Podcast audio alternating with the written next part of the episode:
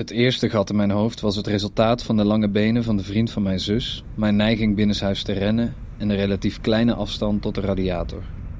Het is een verhaal dat vooral mijn vader nog vertelt. Het tweede gat in mijn hoofd was het resultaat van een steen die Luc van bovenop een zandberg naar beneden, op mij gooide. Zomaar. Later heb ik hem in mijn verhalen daarover een reden gegeven. Het derde gat in mijn hoofd was het resultaat van een poging een meisje waarop ik verliefd was te soppen, haar lengte en de afstand tot de glijbaan boven ons. Het meisje belde me één keer, alleen maar om te vragen hoe het ging. Ik zei dat ik een week lang mijn haar niet mocht kammen. Tegenwoordig vertel ik meestal alleen het eerste deel, tot aan het bloed in het zwembad.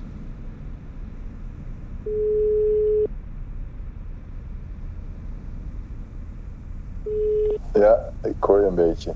Hallo Doris. Hallo Dennis. Ja, ik dacht ik bel jou, want jij bent natuurlijk de enige arts die ik ken. Mhm.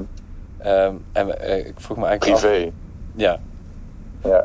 maar eh, wat ik me afvroeg, hè, wat is pijn? Oh. Dat is een goeie. Dat, dat, dat kun je be- dat, nou, oh, wow, dat kun je bijna beter aan een medisch filosoof vragen. Maar daar zijn ah, heel veel ehm, eh, ideeën over. Je kunt dat op, ook op heel veel verschillende manieren beschouwen. Hè? Ehm, een van de dingen die bij me opkwam was het model van Leuzer. Dat is eigenlijk een soort van eh, een model waarbij eigenlijk eh, vier rondjes in elkaar overgaan als het ware. Dus je hebt een, als een soort van schietschijf. Een klein rondje in het midden en dan een rondje eromheen. En dan het kleinste rondje in het midden, dat is nociceptie. Dat is gewoon eh, een pijnprikkel die door een zenuw heen gaat. Dat, daar begint het mee. Dan kom je bij pijngewaarwording. Eh, dus het kan zijn dat die prikkel helemaal niet aankomt. Dat je er helemaal niet bewust van bent. Dan is er wel pijn, maar dan wordt het niet ervaren. Dus dan, dan zou je geen pijn hebben. Dus eh, je moet je er ook bewust van worden. Dan is er nog zoiets als pijnbeleving. Hè? Dus er zijn heel veel factoren die maken of je, hoe, je, hoe, je, hoe je met die pijn omgaat en hoe je dat ervaart. Als je afgeleid wordt of als je in een oorlogssituatie zit of eh, als je al heel erg depressief bent. Dat, maakt, dat heeft heel veel invloed op hoe je, hoe je pijn eh, ervaart. En dan heb je nog die buitenste dat is pijngedrag. Dat is wat je vervolgens mee gaat doen. Maar de vraag wat pijn is, is heel moeilijk te beantwoorden. Je kunt dat natuurlijk op een heel ja, biologisch model eh, op loslaten. Over, over ja, eh, de zenuwprikkels en hoe dat allemaal werkt in het lichaam. Maar je kunt het ook op een heel ja, eh, eh, sociaal manier bekijken. Van, ja, hoe mensen dat ervaren en hoe ze ermee omgaan. En dat is, dat is, heel, dat is heel ingewikkeld. Daar, daar, zijn, daar, zijn, daar, zijn, daar zijn medici al en, en filosofen al eeuwen en eeuwen en eeuwen mee bezig.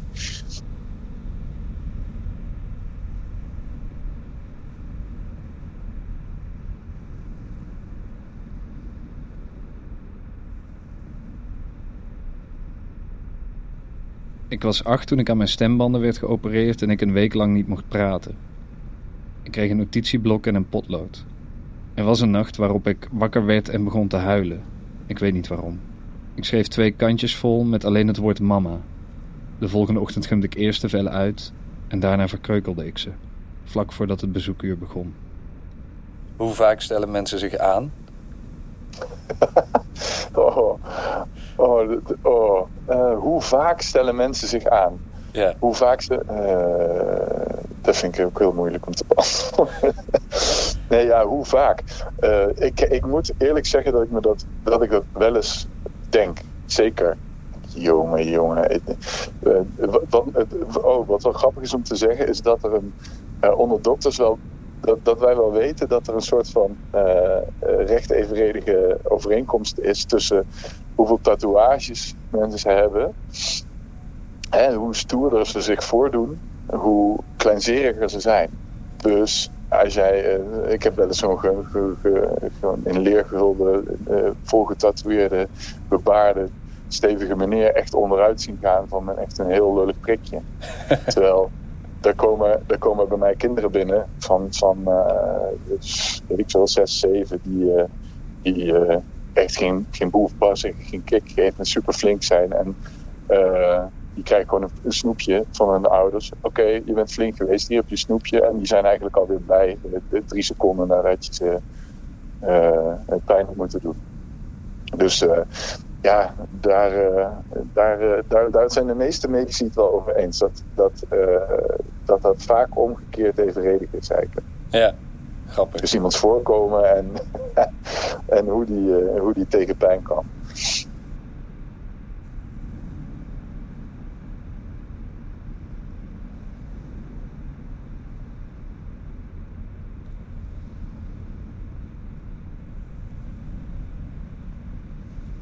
De eerste keer dat ik mijn been brak was ik bijna vier. Ik zat achter op de fiets van mijn vader en wilde afstappen terwijl hij nog reed. Mijn kleine been kwam tussen de spaken. Ik herinner me vooral dat ik op mijn verjaardag over de grond kroop door de benen van de visite heen. Er was een oom wiens been ook in het gips zat. Het had me iets over de gemeenschappelijkheid van het lijden of iets dergelijks kunnen zeggen. Maar dat doet het tot op de dag van vandaag niet. De tweede keer dat ik mijn been brak, fietste ik zelf. Het was een feestdag en ik op weg naar de kroeg. Mijn achterwiel bleef hangen aan een lage stoeprand en mijn enkel kwam onder mijn trapper terecht. Ik herinner me vooral dat de ambulancebroeders zorgelijk over mij heen gebogen stonden terwijl ik mijn best deed niet te lachen. Ik herinner me niet of ik toen al lachgas had gekregen. Ik vertel dit verhaal alleen als mensen vragen naar het litteken waaronder het metalen plaatje zit. Wat zou jouw advies zijn? Hoe, hoe moet je omgaan met pijn? Oh, hoe moet je omgaan met pijn? Uh, dat, dat is ook weer zo'n open, open vraag, Dennis. Daar, kan, daar is bijna niet te antwoorden. Hoe moet je omgaan met pijn? Ja, goed. Uh, ik, dat, dat hangt zo van de situatie af. Kijk, sommige mensen die mogen wat mij betreft veel meer, beter naar hun pijn luisteren, bijvoorbeeld. Hè. Die, uh, die, negeren, die negeren signalen uit hun lichaam. En die, uh, ja, die, die geef ik soms het advies van ja, luister naar je lichaam. Het is echt, echt belangrijk dat je dit echt serieus neemt en, uh, en, en niet blijft doormodderen, uh, ondanks die, die, signalen die je lichaam je geeft. Andere mensen geef ik juist weer het advies van probeer het echt te negeren of probeer het echt, probeer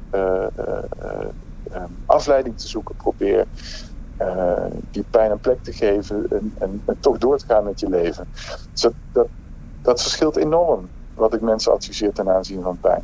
Dat, dat ligt heel ver uit elkaar.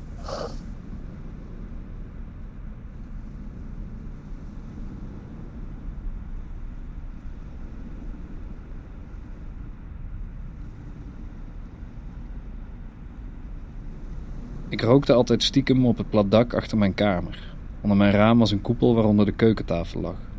Ik zakte door die koepel toen ik me er tegenaf wilde zetten om terug mijn kamer in te klimmen. Ik viel op de keukentafel en brak mijn linkerarm. Eerst rende ik naar boven om mijn cheque te verstoppen, toen belde ik de buurvrouw. In die tijd had ik net het masturberen ontdekt en bij de eerste hulp zag ik dat mijn pyjama vol vlekken zat die dat bewezen. Dat deel laat ik doorgaans uit, de anekdote. Bestaat emotionele pijn? Die bestaat. Ja, de, ja, ik denk meteen aan, uh, aan, aan rouw en aan uh, bijvoorbeeld verloren liefde. Daarvan weten oud mensen dat dat fysiek pijn doet. En volgens mij wisten de oude Romeinen dat ook. En de grote denkers uit, uit de Griekse oudheid. Dat, ik denk dat elk mens dat wel eens gevoeld heeft. Dat, um, emoties en gedachten en een idee effect heeft op, op je lichaam. Bijvoorbeeld, wij, wij zijn uh, anderhalf jaar geleden naar een, uh, naar een makelaar gereden om een huis te kopen. Of anderhalf jaar? Nee, het is meer dan een jaar geleden naar een makelaar gereden om een huis te kopen.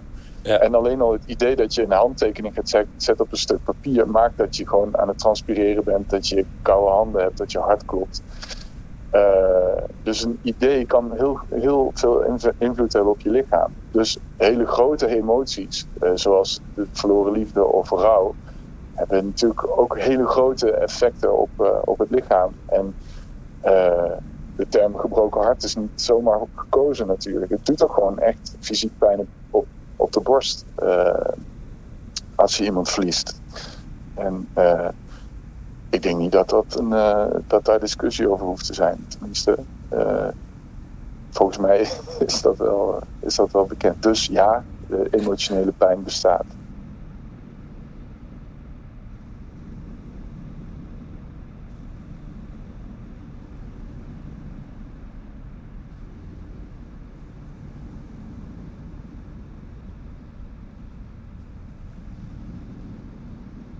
Ik was zes of zeven maanden. Mijn moeder weet het niet precies en ik kan het me überhaupt niet herinneren. Mijn zus trok me aan mijn benen over het tapijt in de woonkamer. Mijn eerste paar haren maakten plaats voor mijn eerste brandwond. Het is een verhaal dat alleen mijn moeder nog vertelt. Ze zegt dan altijd: Jij was lang kaal. Kan leegte pijn doen? Kan wat? Leegte pijn doen. Kan leegte pijn doen? Eh, ja. Eh, kan leegte pijn doen? Ja. Definieer leegte. Dat is een. Dat is, eh, maar ik neem aan leegte als in afwezigheid van andere mensen. Of eh, doel of zin. Ja, dat denk ik wel. Dat denk ik wel. Dat heb ik, dat heb ik misschien niet zo nadrukkelijk ervaren in mijn leven, maar dat geloof ik wel. Ik hoor dat in ieder geval wel van mensen terug. Mensen bijvoorbeeld die depressief zijn, die voelen, die voelen fysieke pijn. Ja, dat is natuurlijk ook bekend. Hè? Mensen met, met, met psychische problemen hebben gewoon een, een verlaagde pijntolerantie. Dus eh, die, eh, ja, die hebben, die hebben eh, meer en langer pijn, ja. Ja. Maar ik denk ook wel dat dat, dat tot pijn kan leiden. Ja, dat geloof ik wel, ja. Dat denk ik wel.